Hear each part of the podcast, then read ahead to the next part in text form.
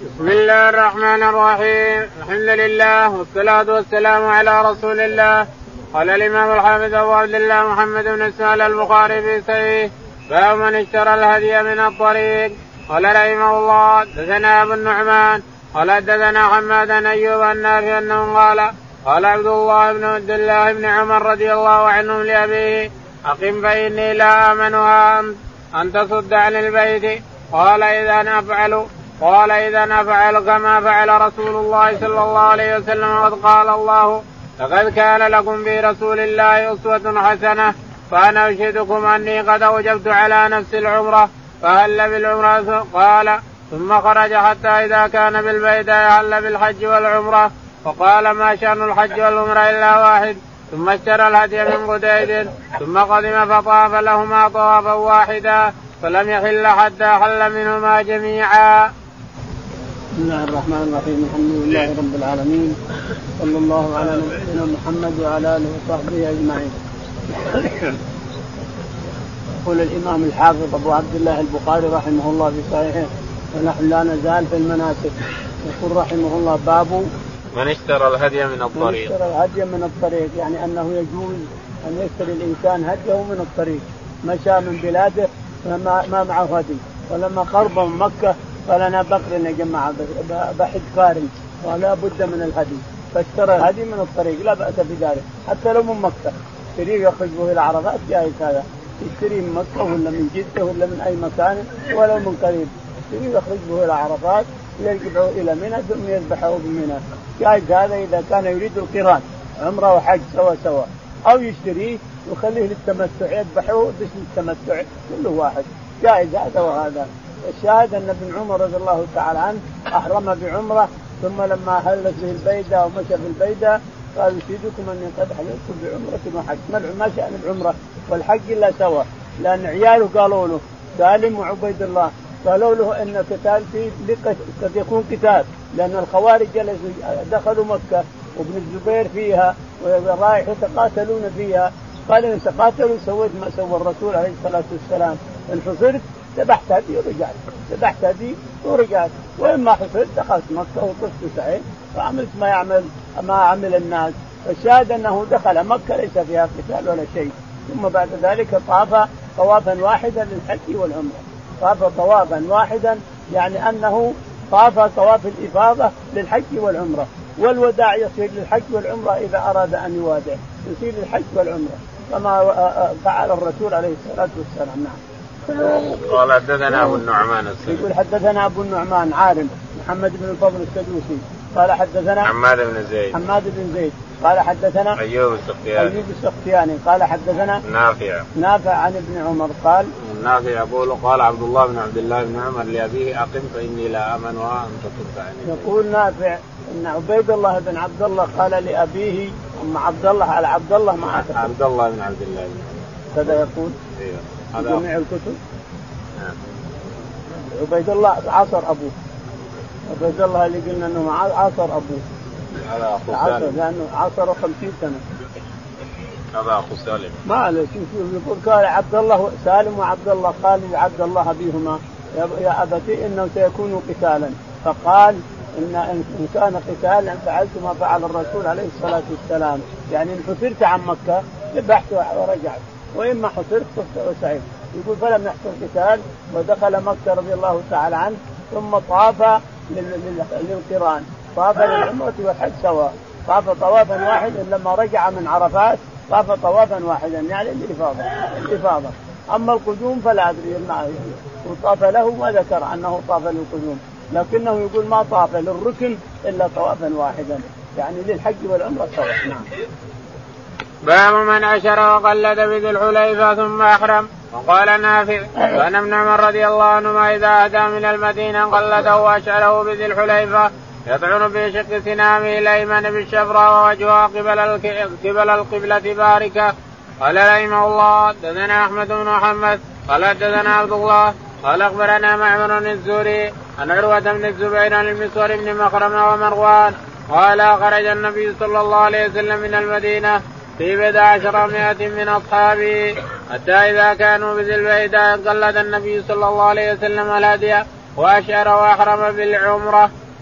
يقول البخاري رحمه الله باب من أشعر وقلد بذي الحليفة. من أشعر وقلد بذي الحليفة، أشعر يعني طعن السنام ثم خلى الجلد على على صفحة السنام ثم قلدها عاد يمدس يجلود أي شيء يقول رحمه الله وقال نافع كان ابن عمر رضي الله عنه إذا أتى من المدينة قلده وأشعره بذي الحليفة يطعن فيه. يقول نافع إن ابن عمر رضي الله تعالى إذا أراد الحج والعمرة أو الحج أو عمرة أشعر قلد بذي الحليفة يخرج من المدينة بالهدي ثم يقلدها ويشعرها بذي الحليفة يعني محل ما يحرم إذا أحرم ونوى ونوى الإحرام ونوى أيضا الهدي أنه هدي قلدها ثم أشعرها الإشعار هو ضرب الجلد وإخراج الدم وإخراج قليل من الجلد ينسب على يمينها. والتقليد أن تقلد جلود والا وإلا مدس ولا شيء.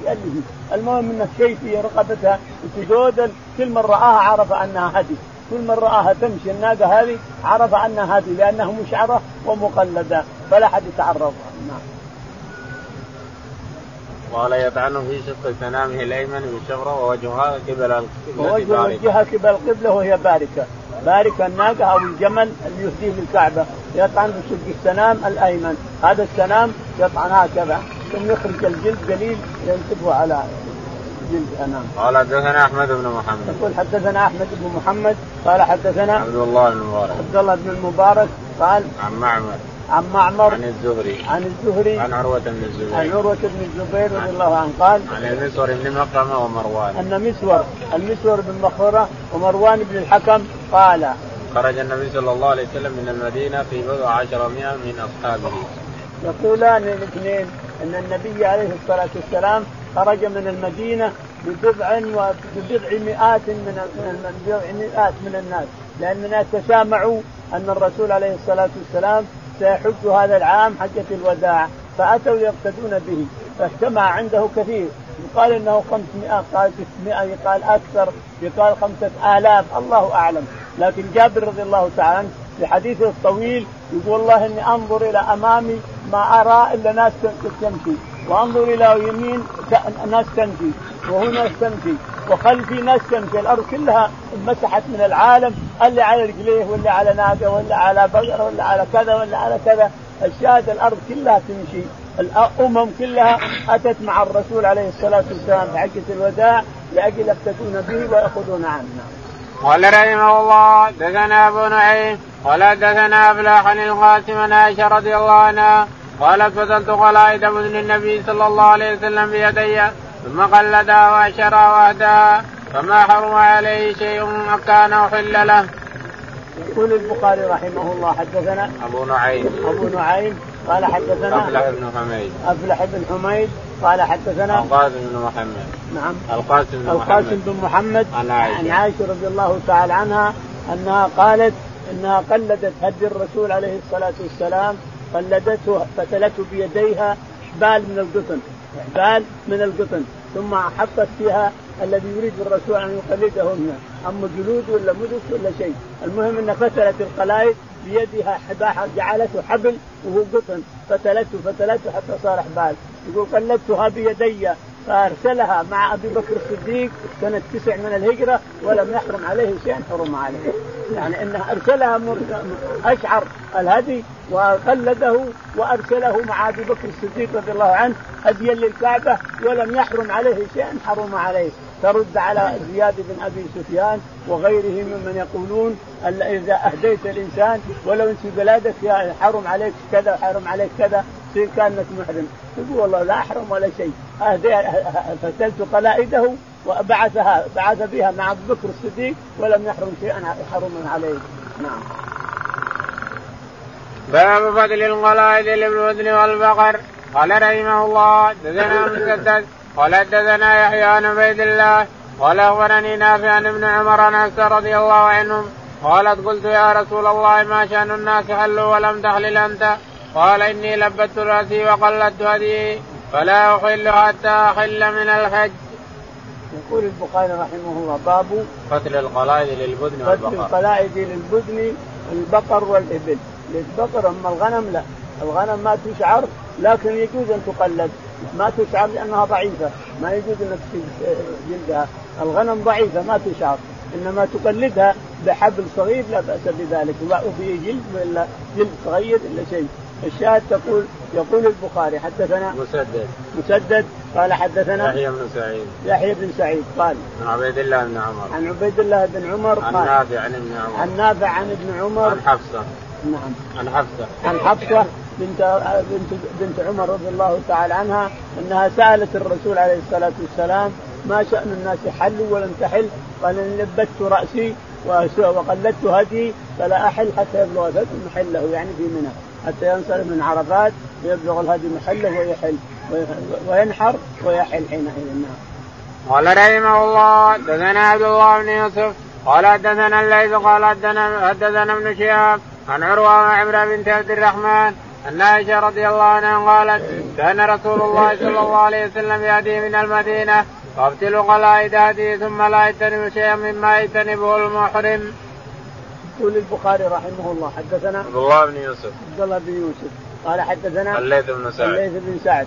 قال عن ابن شهاب. عن ابن شهاب الزهري. قال عن عروة وعمرة بنت عبد الرحمن عروة بن الزبير وعمرة بنت عبد الرحمن أنهما رويا عن عائشة رضي الله تعالى عنها أنها كانت تفتل قلائد الرسول هدي الرسول ويقلدها عليه الصلاة والسلام يرسلها مع أبي بكر الصديق أو مع غير أو مع علي. ولا يحرم عليه. ولا يحرم عليه شيء حرم عليه.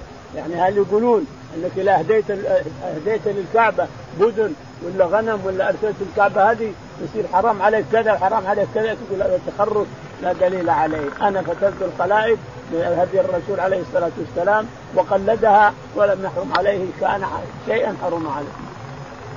باب شعر البدن؟ وقال عروان المسوري رضي الله عنه قلد النبي صلى الله عليه وسلم هدي الهدي وأشعره واحرم بالعمرة قال رحمه الله دثنا عبد الله بن مسلمة قال دثنا ابن بن حميد عن القاسم عن عائشة رضي الله عنها قالت قتلت قلائد هدي النبي صلى الله عليه وسلم ثم أشعرها وقلدها أو قلدتها ثم بعث بها إلى البيت وقام بالمدينة فما حرم عليه شيء كان له حل.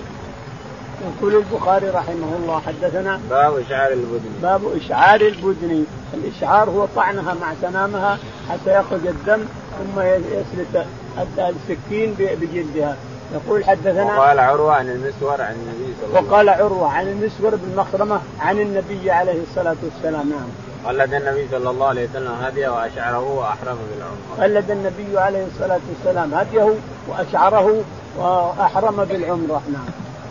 قال حدثنا عبد الله بن مسلمة. يقول حدثنا عبد الله بن مسلمة قال حدثنا أبلة بن حميد. أبلة بن حميد قال حدثنا القاسم بن محمد. القاسم بن محمد. عن عائشة. عن عائشة رضي الله تعالى عنها أنها قالت قتلت قلائد هدي النبي صلى الله عليه وسلم ثم أشعرها وقلدها. تقول قتلت قلائد الرسول عليه الصلاة والسلام قلائد هديه فأشعرها ولم يحرم عليه شيء أحل له لكن معنى كلام مروان بن الحكم اللي سبق يقول إنه يجي كلام مروان يجي لا هذه سبقة. مروان بن الحكم يقول إن النبي عليه أحرم بعرمه بعمره أيوه. هو ومسور بن مخرم مسور بن مخرم يقول إن خرج النبي صلى الله عليه وسلم من المدينة في بضع عشرة ومئة من اصحابه يعني خرج من المدينة وأحرم بعمرة حتى وصل كذا ثم أضاف الحج إلى العمرة. هذا أيوة. رواية زمن الحديبية. هو من الحديبية. طيب.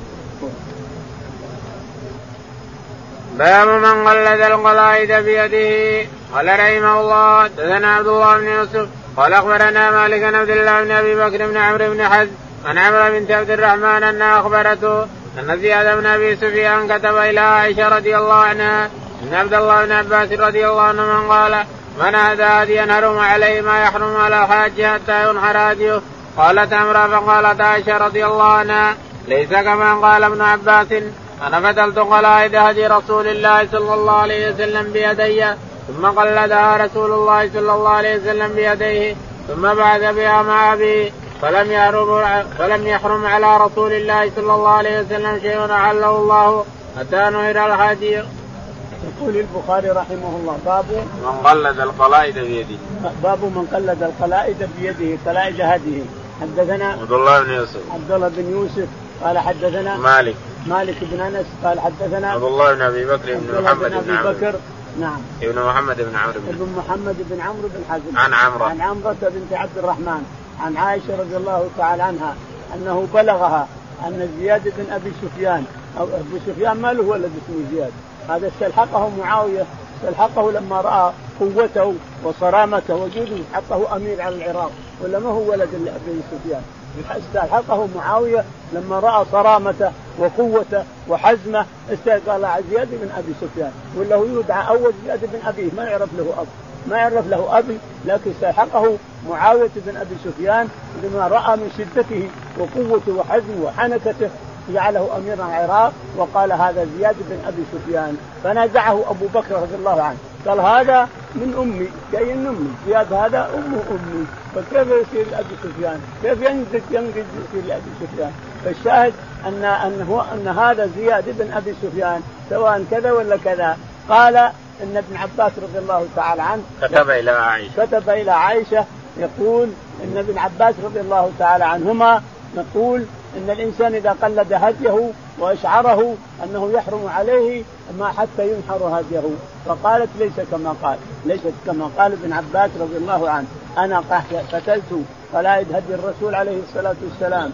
من القطن فتلتها فتلتها وأشعرها وقلدها بيده عليه الصلاة والسلام وبعثها مع أبي بكر الصديق سنة تسع ولم يحرم عليه شيء كان حلالا له. باب تقليد الغنم. قال رحمه الله دثنا أبو نعيم ولا دثنا الأعمش عن إبراهيم الأسود عن عائشة رضي الله عنها قالت أتى النبي صلى الله عليه وسلم مرة غنما. يقول البخاري رضي الله عنه حدثنا باب تقليد الغنم. باب تقليد الغنم. حدثنا أبو نعيم. أبو نعيم. قال حدثنا الأعمش. الأعمش. قال عن إبراهيم عن الأسود. عن إبراهيم عن الأسود. عن عائشة. عن عائشة رضي الله تعالى عنها أن النبي عليه الصلاة والسلام اهدى غنما وقلدها. قلد غنم وأهداها إلى البيت. نعم.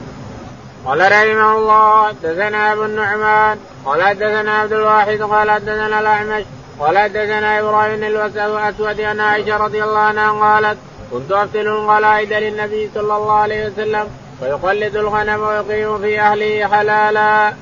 يقول البخاري رحمه الله. حدثنا أبو النعمان. أبو النعمان محمد. قال حدثنا عبد الواحد بن زياد. عبد الواحد بن زياد. قال حدثنا الأعمش. الأعمش. قال عن إبراهيم بن يزيد. عن إبراهيم بن يزيد. عن الأسود بن يزيد. عن الأسود بن يزيد أيضا. قال عن عائشة. عن عائشة رضي الله تعالى عنها أن النبي عليه الصلاة والسلام أهدى غنما وقلدها. السؤال هنا متى أهدى الرسول الغنم؟ الحج فرض سنة تسع. الحج فرض سنة تسع. وهذا الرسول الإبل مع أبي بكر الصديق كما سبق حديثها هي بنفسها وأرسلها مع أبي بكر الصديق رضي الله عنه ولم يكن حجة إلا سنة 19 بس فما فمن فهل بعث مع أبي بكر الغنم أيضا؟ مع الإبل جائز هذا. وهل أو أن الغنم بعث في غير حجة وأنه قلده وأرسلها بإنسان معتمر فقط بدون حج جائز أيضا هذا. ثم أنه آه، آه، الإبل آه، أرسل مع أبي بكر الصديق إبل قلد الإبل وأشعرها وأرسلها مع أبي بكر الصديق كما سبق حديثها هي بنفسها. فتلت القلائد وأرسلها مع أبي حتى يعني قلدها وأشعرها وأرسلها مع أبي بكر الصديق سنة تسع حينما فرض الحج حيث أعلن أن لا يحج بعد العام المشرك ولا يطوف البيت عريان. سنة تسع والحج ما فرض إلا سنة تسع. ثم بعد ذلك حج هو بنفسه عليه الصلاة والسلام ولم يهدي إلا إبل. 63 بدنة نحرها بيده في منى. إبل غنم ما أهداها. لكن يجوز أن الرسول عليه الصلاة والسلام أه- قلد غنما وأهداها مع إنسان معتمر ذهب معتمر إلى البيت وجعلها معه وأرسله جائز هذا الله أعلم. نعم. قال رحمه الله دثنا أبو النعمان قال دثنا حماد قال دثنا منصور بن المعتمر ها؟ قال حدثنا محمد بن كثير. قال قال أخبرنا سفيان عن منصور عن إبراهيم الأسود عن عائشة رضي الله عنها قالت كنت افتل غلائد الغنم للنبي صلى الله عليه وسلم فيبعث بها ثم ينقض حلالا. يقول البخاري رحمه الله حدثنا أبو النعمان. أبو النعمان. قال حدثنا حماد بن زيد. حماد بن زيد. قال حدثنا منصور بن المعتمر. منصور بن المعتمر. قال ثم حول ثم حول قال حدثنا محمد بن كثير. حدثنا محمد بن كثير. قال حدثنا سفيان الثوري. سفيان الثوري قال عن منصور عن منصور بن المعتمر عن إبراهيم بن يزيد. عن إبراهيم بن يزيد النخعي. عن الاسود عن الأسود. بن يزيد النخعي. عن عائشه, عن عائشة. رضي الله تعالى عنها أنها فتلت قلائد الرسول هدي الرسول من الغنم. فتلت قلائد هدي الرسول عليه الصلاة والسلام فقلدها وبعثها هديا للكعبة. هذا فهذا بعمرة جائز أنه بعمرة. إنسان اعتمر وارسل معه الغنم. أما في الحج فلم يرسل غنما مع أبي بكر. أرسل مع أبي بكر الصديق إبل. أرسل ابلا هذا المؤكد من قولها هي. والشاهد أن الغنم حصلت. الهدي أهدى غنما عليه الصلاة والسلام لكن بعمرة لا بحج نعم. قال رحمه الله دثنا أبو نعيم قال دثنا زكريا عن عامر عن مسروق عائشة رضي الله عنها قالت قتلت لهدي النبي صلى الله عليه وسلم تعني الغلائد قبل أن يحرم. يقول البخاري رحمه الله حدثنا أبو نعيم. أبو نعيم قال حدثنا زكريا. زكريا قال عن عامر الشعبي. عن عامر الشعبي قال عن مسروق عن عائشة. عن مسروق عن عائشة رضي الله عنها قالت فتلت لهدي النبي صلى الله عليه وسلم تعني القلائد قبل أن يحرم. فتلت القلائد قلائد هدي النبي عليه الصلاة والسلام قبل أن يحرم هذه قلائد الإبل. الذي جاء بها معه عليه الصلاة والسلام فتلتها. أما الغنم ففتلت الغنم. ويجوز أن الرسول عليه الصلاة والسلام أرسل إبلا مع أبي بكر الصديق في تلك السنة وأرسل غنما مع غير أبي بكر، يعني أرسل هدي غنم وأرسل هدي إبل، فالإبل مع أبي بكر الصديق كما قالت هي والغنم مع غير أبي بكر الصديق رضي الله عنها، فنجمع بين الشيئين وهو أن الرسول أهدى غنما تلك السنة وأهدى إبلا تلك السنة، جائز هذا وهذا نعم. باب القلائد من الايه قال رحمه الله دثنا عمرو بن علي قال دثنا معاذ بن معاذ قال دثنا ابن عون القاسم عن أم المؤمنين رضي الله عنها قالت قتلت قلائدها من عهن كان عندي. يقول البخاري رحمه الله باب القلائد من العهن يعني القطن لأن السماء كالعهن المنفوذ. السماء تكون يوم القيامة مثل القطن المنفوذ اللي ما فتل تقول إنها عندها قطن ففتلته لقلائد الرسول عليه الصلاة والسلام حين اهدى الهدي. نعم. قال حدثنا عمرو بن علي. حدثنا عمرو بن علي الفلاس. قال حدثنا معاذ بن معاذ. معاذ بن معاذ. قال حدثنا عبد الله بن عون. عبد الله بن عون. قال عن القاسم عن عائشة. عن القاسم عن عائشة رضي الله تعالى عنها أنه كان عندها قطن ففتلته قلائد لهدي الرسول عليه الصلاة والسلام. نعم. باب تقليد النعل. قال رحمه الله دثنا محمد قال أخبرنا عبد الاعلى بن عبد الاعلى معمر يحيى بن أبي كثير عن إكرمة عن أبي هريرة رضي الله عنه أن نبي الله صلى الله عليه وسلم رأى رجلا يسوق بدنه قال اركبا قال إنها بدنه قال اركبا قال فلقد رأيته راكبا يسائر النبي صلى الله عليه وسلم والنعل في عنقها تابعه محمد بن بشار. يقول البخاري رحمه الله باب التقليد بالنعل النعول تحطها قلاده تربطها بحبل تربطها برقبة الناقة أو البقرة. يقول حدثنا محمد بن سلام. محمد بن سلام البيكندي قال حدثنا عبد الأعلى بن عبد الأعلى. عبد الأعلى بن عبد الأعلى قال حدثنا معمر. معمر عن الزهري عن, عن يحيى بن أبي كثير. عن يحيى بن أبي كثير. عن عكرمه عن أبي هريرة. عن عكرمه عن أبي هريرة. عن أبي هريرة رضي الله تعالى عنه أن النبي عليه الصلاة والسلام رأى رجلا يسوق بدنة مقلدة بنعل قال اركبها. قال إنها بدنة يا رسول الله. قال اركبها. قال بدنة. قال ويحك اركبها. يقول فركبها. فرأيته راكبها. وهو مقلدها نعل نعول من القديمه يحط فيها حبل ويربطها برقبة البعير. نعم. يساير النبي صلى الله عليه وسلم. الناقة تساير يساير النبي بناقته وراكب عليها والنعل تجودل برقبتها. قال تابعه محمد بن بشار. الحديث تابعه محمد بن بشار يعني بسنده نعم قال رحمه الله دثنا عثمان بن عمر قال أخبرنا علي بن المبارك ان يحيى عن إكرمة عن أبي هريرة رضي الله عنه عن النبي صلى الله عليه وسلم.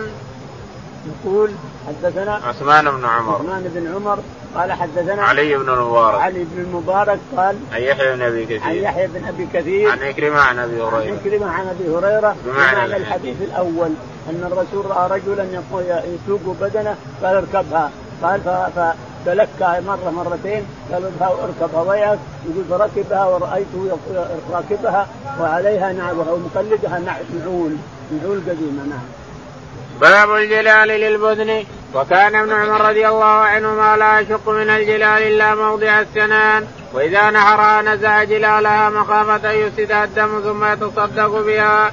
قال رحمه الله دثنا قبيسه قال دثنا سفيان عن ابن أبي نجيه عن مجاهد عن عبد الرحمن بن أبي ليلى عن علي رضي الله عنه قال أمرني رسول الله صلى الله عليه وسلم أن أتصدق بجلال البدن التي نهرت وبجلودها. يقول البخاري رحمه الله باب الصدقة. باب الجلال للبدن باب الجلال للبدن يقول رحمه الله. وكان ابن عمر رضي الله عنه لا يشك من الجلال إلا موضع السنام. وكان ابن عمر رضي الله عنه لا يشك من الجلال إلا موضع السنام. السنام هكذا بارد يشق خلي السنام يطلع. والباقي كله خليه على الناقة. ستر للناقة وهي هدي هدي مقلدها. ويسوقها معه.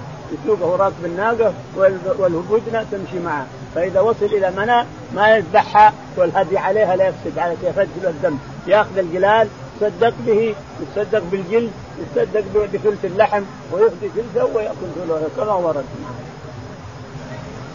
قال حدثنا قبيصة. حدثنا قبيصة. قال حدثنا سفيان. سفيان. قال حدثنا ابن أبي نجيح. ابن أبي نجيح. قال عن مجاهد. عن مجاهد. عن عبد الرحمن بن أبي ليلى. عن عبد الرحمن بن أبي ليلى قال عن علي رضي الله عن علي رضي الله تعالى عنه قال النبي صلى الله عليه وسلم أمرني أن أتصدق بجلال البدن التي نهر يقول علي رضي الله تعالى عنه إن النبي عليه الصلاة والسلام أمرني أن أتصدق بجلال الإبل يعني الهدي الذي ذبحها عليه الصلاة والسلام جلالها وجلودها. صدق به الإنسان صدقة لوجه الله. الجلال تابع لها. الجلال شرشك شرشك أو ثوب يحط عليه ويشق وسطه هكذا ويخلي السنام يطلع والباقي عليها يقول أمر أن أتصدق بجلال الإبل الذي أهدى عليه الصلاة والسلام وجلودها.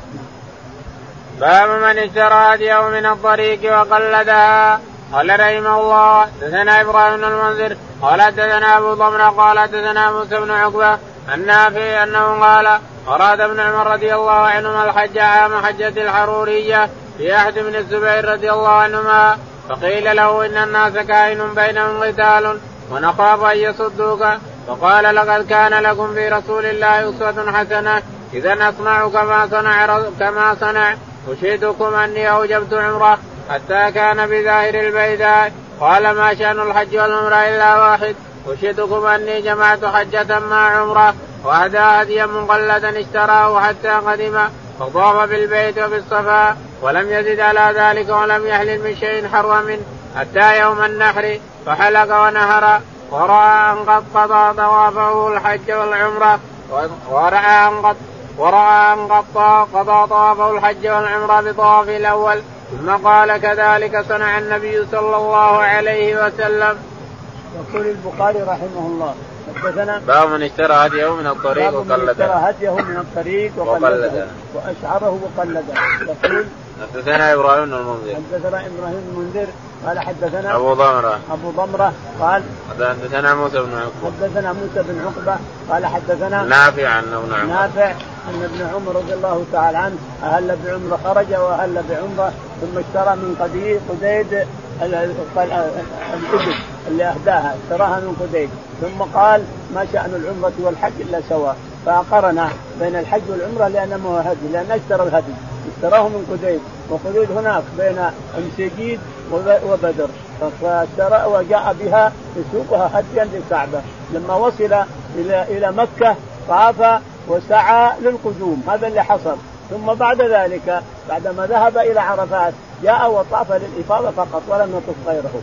يعني هذا مقصود المحدث هنا. أن ابن عمر طاف للقدوم وسعى كما فعل الرسول عليه الصلاة والسلام وبقي محرما حتى خرج إلى عرفات، لما انصرف من عرفات ما طاف للركن إلا طواف واحد، يعني طاف طواف القران للعمرة والحج سواء، فطاف لم يطف إلا طوافا واحدا، نعم.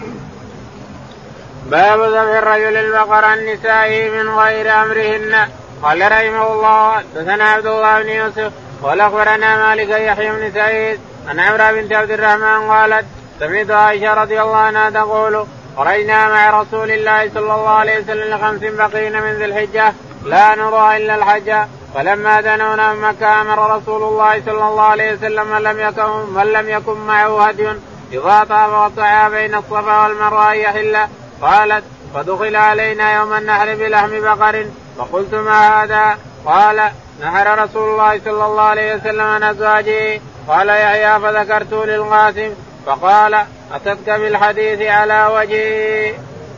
يقول البخاري رحمه الله باب ذبح الرجل البقر عن نسائه. ذبح الرجل البقر عن نسائه بدون علمهن، ليش؟ لأنك إذا حجيت بامرأتك الإنسان لك أن تذبح عنها بدون أن تعلم.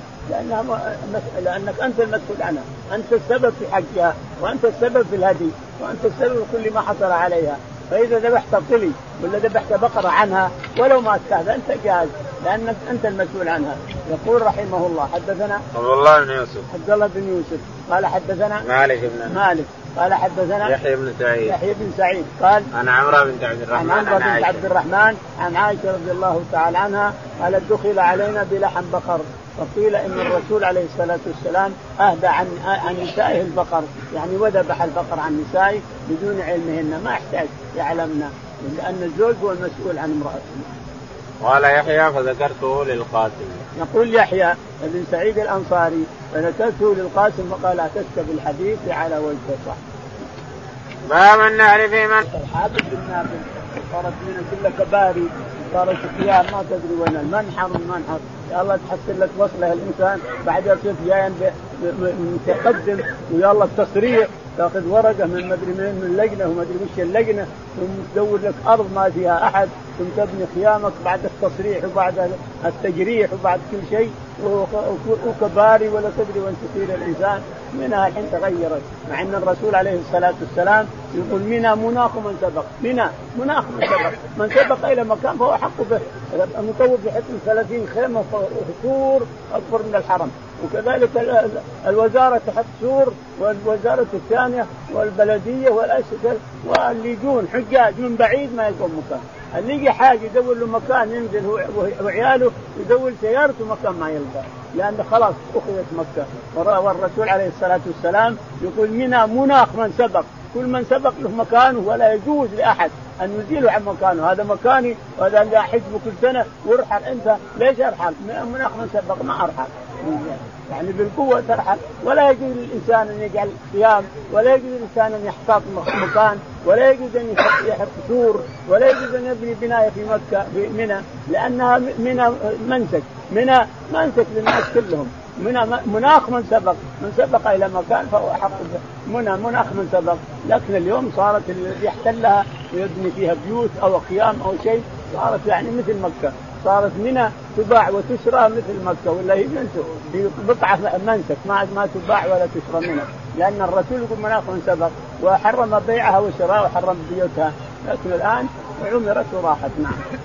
قال حدثنا إسحاق بن إبراهيم. يقول حدثنا إسحاق بن إبراهيم الحنظلي قال حدثنا خالد بن الحارث. خالد بن الحارث قال حدثنا عبيد الله بن عمر. عبيد الله بن عمر. عن نافع عن ابن عمر. عن نافع عن ابن عمر قال كان ينحر عند كل منحر قال عبيد الله منحر رسول الله صلى الله عليه وسلم. يقول إن عبد الله بن عمر رضي الله عنه يتحرى منحر الرسول عليه الصلاة والسلام فينحر هديه به، لكن اليوم باين إلى قريب منحر الرسول إلى قريب القرون الثلاثة أو بعد ذلك. معروف منحر الرسول ومكانه لأن من براح كلها بر. فتستطيع تعرف مكان هذا وتعرف مكان هذا. فكان ابن عمر وغيره من الصحابة يتحرون منحر الرسول ينحرون مع إنه لو نحرت باي مكان منى جاز. منى مناخ ومنحر. مكة ومنى مناخ ومنحر. قال رحمه الله دثنا إبراهيم المنذر قال دثنا أنس بن عياض قال دثنا موسى بن عقبة النافع أن ابن عمر رضي الله عنهما كان يبعث بهديه من جمع من آخر الليل حتى يدخل به منحر النبي صلى الله عليه وسلم مع حجاج فيهم الحر والمملوك. يقول البخاري رحمه الله حدثنا إبراهيم بن المنذر. إبراهيم بن المنذر قال حدثنا أنس بن عياض. أنس بن عياض قال قال حدثنا موسى بن عقبة. حدثنا موسى بن عقبة قال حدثنا نافع عن ابن عمر. نافع عن ابن عمر أنه كان يدخل من بليل يعني يأتي من بليل لأجل يتحصل على منحر الرسول ومكان الرسول عليه الصلاة والسلام.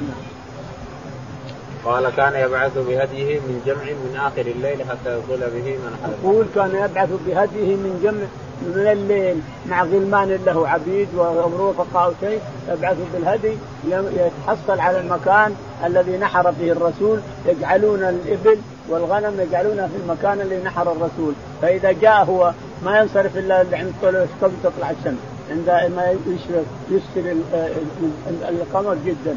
يسفر الشمس جدا يسفر الفجر جدا. كان يجي عليه الصلاة والسلام على يجي ابن عمر رضي الله عنه فإذا وصل واذا الإبل والهدي كله موجود في منحر الرسول عليه الصلاة والسلام. هذا بعد ما ذهب الرسول عليه الصلاة والسلام وأبي بكر. نعم.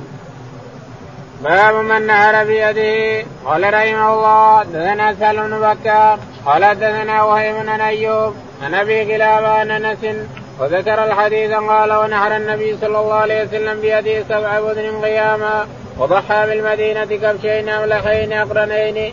انتهى مختصرا. يقول البخاري رحمه الله حدثنا باب من نحر بيده. باب نحر بيده من الإبل أو الهدي. نحر بيده. حدثنا سهل بن بكار. سهل بن بكار. قال حدثنا وهيب بن خالد. وهيب بن خالد قال عن أيوب. عن أيوب قال حدثنا أبو قلابه أبو قلابه قال عن أنس بن مالك. عن أنس رضي الله تعالى عنه أن النبي عليه الصلاة والسلام نحر من هديه سبع. يعني نحر سبعا من هديه. لكن حديث جابر يقول إن النبي عليه الصلاة والسلام نحر ثلاثا وستين بدنه ثلاث وستين بدنه وامر عليا أن ينحر سبع وثلاثين اتى بها من فعلي نحر سبع وثلاثين بيده والرسول نحر سبع ثلاث وستين بيده. عدد سنينه عليه الصلاة والسلام. نعم. قال وضحى بالمدينة كبشين أملحين. قال وضحى بالمدينة كبشين أملحين أقرنين. كبشين أملحين أقرنين. لاحظوا يا إخواني بعض الإخوان في يومنا هذا يقول لا تضحي عن الميت. ولا تضحي عن الحي ولا تضحي ولا تجمعهما. كيف أفعل؟ يقول لا الضحية. الرسول عليه الصلاة والسلام اتي به كبشين أقرنين أملحين يعني بيض لطبي سواد. ومرنا هذا في البخاري نفسه في الأضحية. مرنا هذا في البخاري بنفسه. أتي بكبشين أقرنين أملحين يطأ بسواد ويأكل بسواد وينظر بسواد العينين سواد والفم سواد والرجلين سواد يطأ بسواد وينظر بسواد ويأكل بسواد. فأخذ واحد وقال بسم الله والله أكبر على ملة إبراهيم. هذا عن محمد وآل محمد. انظر آل محمد منهم الحي والميت منهم حمزة ميت ومنهم بنات ميتات. هذا عن محمد وآل محمد. لاحظوا يا إخوان. ثم أتي بالثاني فقال بسم الله هذا عن من لم يضحي من أمة محمد. هذا الرسول يقول هكذا ونحن نقول له لا تضحي عن الحي لحاله ولا عن الميت لحاله اجمعهم سوا. الرسول أفرد هذولا وأفرد هذولا والناس اليوم يتحكمون حتى باحاديث الرسول يتحكمون فيها مع الأسف. نعم. باب نحر الإبل مقيده قال رحمه الله حدثنا عبد الله بن مسلمة قال حدثنا يزيد بن زريع يونس بن زياد بن جبير قال رايت ابن عمر رضي الله عنهما أتى على رجل قد أناخ بدنه ينحرها قال بعثها قياما مقيدة سنة محمد صلى الله عليه وسلم. وقال شعبة يونس أخبرني زياد. يقول البخاري رحمه الله باب نحر الإبل مقيدة قائمة صواب يعني ثلاث. ثلاث صواب اليسرى معقولة والثلاثة باس وأيضا عليها. فإذا نحرها صاحت بإذن الله. الشاهد يقول البخاري رحمه الله حدثنا عبد الله بن مسلمة. عبد الله بن مسلمة قال حدثنا يزيد بن زريع. يزيد بن زريع قال حدثنا يونس بن يزيد. يونس بن يزيد قال عن زياد بن جبير. عن زياد بن جبير قال رأيت ابن عمر رضي الله عنهما أتى على رجل قد أناق بدنه. يقول رأيت ابن عمر رضي الله تعالى عنه مر على رجل اناخ بدنه ينحرها وهي باركة. قال ابعثها قياما ابعثها قياما ابعثها قياما ابعثها. ابعثها قياما صوابا اعدل اليسرى وانحرها. ابعثها قياما فإن الرسول عليه الصلاة والسلام نحرها قياما. سنة سنة أبي القاسم أو قال سنة الرسول عليه الصلاة والسلام. فأخاف صورها أقامها الرجل صار ينحرها وهي قائمة معقولة اليد اليسرى. كل من أراد أن ينحن الناقة فإنه يعقل يدها اليسرى لأنه لا عقل اليمنى رفسته. لكن تعقل اليسرى وهي تبقى على ثلاث باذن الله صوابه صافه من الثلاث. فإذا عقلت إذا وجبت انحر اجرها نعم. باب نهر البدن قائمة. وقال ابن عمر رضي الله عنهما سنة سنة محمد صلى الله عليه وسلم. وقال ابن عباس رضي الله عنهما طواف قياما. قال رحمه الله دثنا سهل بن بكار. قال حدثنا وهيب بن أيوب بن أبي قلابة. عن أنس رضي الله عنه قال صلى النبي صلى الله عليه وسلم الظهر بالمدينة أربعة والاسرى بذي الحليفه ركعتين فبات بها. فلما اصبح ركب راحلته فجعل يهلل ويسبه فلما على على البيداء لبى بهما جميعا. فلما دخل مكة أمرهم أن يحلوا. ونهر النبي صلى الله عليه وسلم بيده سبع بدن قياما. وضحى بالمدينة كبشين أملحين أقرنين. يقول البخاري رحمه الله حدثنا باب نهر البدن قائما باب نهر الابل قياما. حدثنا وقال ابن عمر سنة محمد صلى الله عليه وسلم. وقال ابن عمر للرجل الذي رآه ينحر ابعثها سنة محمد عليه الصلاة والسلام. ابعثها قياما سنة محمد عليه الصلاة والسلام. يقول البخاري. وقال ابن عباس تفسير صواف قياما. وقال ابن عباس تفسير صواف يعني قوام صافة من ثلاث ثلاث صافة واليسرى معقولة. صواف يعني قائمة على ثلاث نعم. قال حدثنا سهل بن بكار. حدثنا سهل بن بكار. قال حدثنا وهيب بن خالد. وهيب بن خالد. قال حدثنا أيوب. أيوب. عن أبي قلابة. عن أبي قلابة. عن أنس بن مالك. عن أنس رضي الله تعالى عنه أن النبي عليه الصلاة والسلام نحر سبعا من البدن قياما. هكذا؟ نعم. نحر سبعا. يقول؟ أيوه نعم. طيب نعم. الباقي من نحره؟ قياما وضحى بالمدينة كبشين وضحى بالمدينة بكبشين. ما عليه هذا ما في إشكال. الإشكال من اللي نحر الباقي؟ نحر سبعا يا أنس لكن من نحر الباقي؟ عارف. نحر عليه الصلاة والسلام 63 بدنة بيده. 63 بدنة كلام جابر رضي الله عنه الحديث الطويل. نحر 63 بدنة بيده كلها قيام. سبع لا سبع بس والباقي من نحره علي جاب 67 37 نحرها علي بيده. لكن 63 بدنة عدد سنينه عليه الصلاة والسلام من نحرها؟ نحرها هو بيده عليه الصلاة والسلام نعم. قال رحمه الله حدثنا مسدد قال حدثنا إسماعيل عن أيوب عن أبي قلابه عن أنس بن مالك رضي الله عنه قال صلى النبي صلى الله عليه وسلم الظهر بالمدينة أربعة والاصل بذي الحليفه ركعتين وعن أيوب الرجل عن أنس رضي الله عنه ثم بات حتى اصبح فصلى الصبح ثم ركب راحلته حتى استوت به البيضاء هل بعمرة وحج. يقول البخاري رحمه الله حدثنا مسدد. مسدد. قال حدثنا اسماعيل بن علي. اسماعيل بن علي. عن أيوب عن أبي عن قلابة. أيوب عن أبي قلابة. عن أنس. عن أنس رضي الله تعالى عنه. بمعنى الحديث الأول. أن النبي صلى الظهر اربعا بالمدينة وصلى العصر ركعتين بذي الحليفة ثم لما بات تلك الليلة ولما أصبح وصلى الصبح أحرم في مكانه كما قال جابر. وأبي سعيد الخدري وغيره من الصحابة. أنس يقول أحرم حينما ركب البيدة. البيدة يقول من, من أين جاءوا بالبيدة؟ يقول جابر من أين جاءوا بالبيدة؟ أحرم في مكانه حينما صلى الفجر أحرم نوى إحرام عليه الصلاة والسلام وركب. صحيح إنه أحرم مكانه ثم لما ركب ناقته لبى ولبى في مكانه ولبى لما ركب ولبى لما مشى في البيداء فكل من سمعه يلبي ظن أنه الآن اللي استاذنه كل الصحابة رضي الله عنهم من رآه يلبي ظن أنه الآن لبى مع أنه ملبي حينما صلى الفجر ولهذا من السنة أن تصلي ركعتين أو بعد فريضة، أن تحرم بعد ركعتين أو تحرم بعد فريضة الانسان. باب لا يعطي الجزار من الهدي شيئا. اللهم اهدنا فيمن هديت وعافنا فيمن عافيت وتولنا فيمن توليت اللهم توفنا مسلمين وألحقنا بالصالحين يا رب العالمين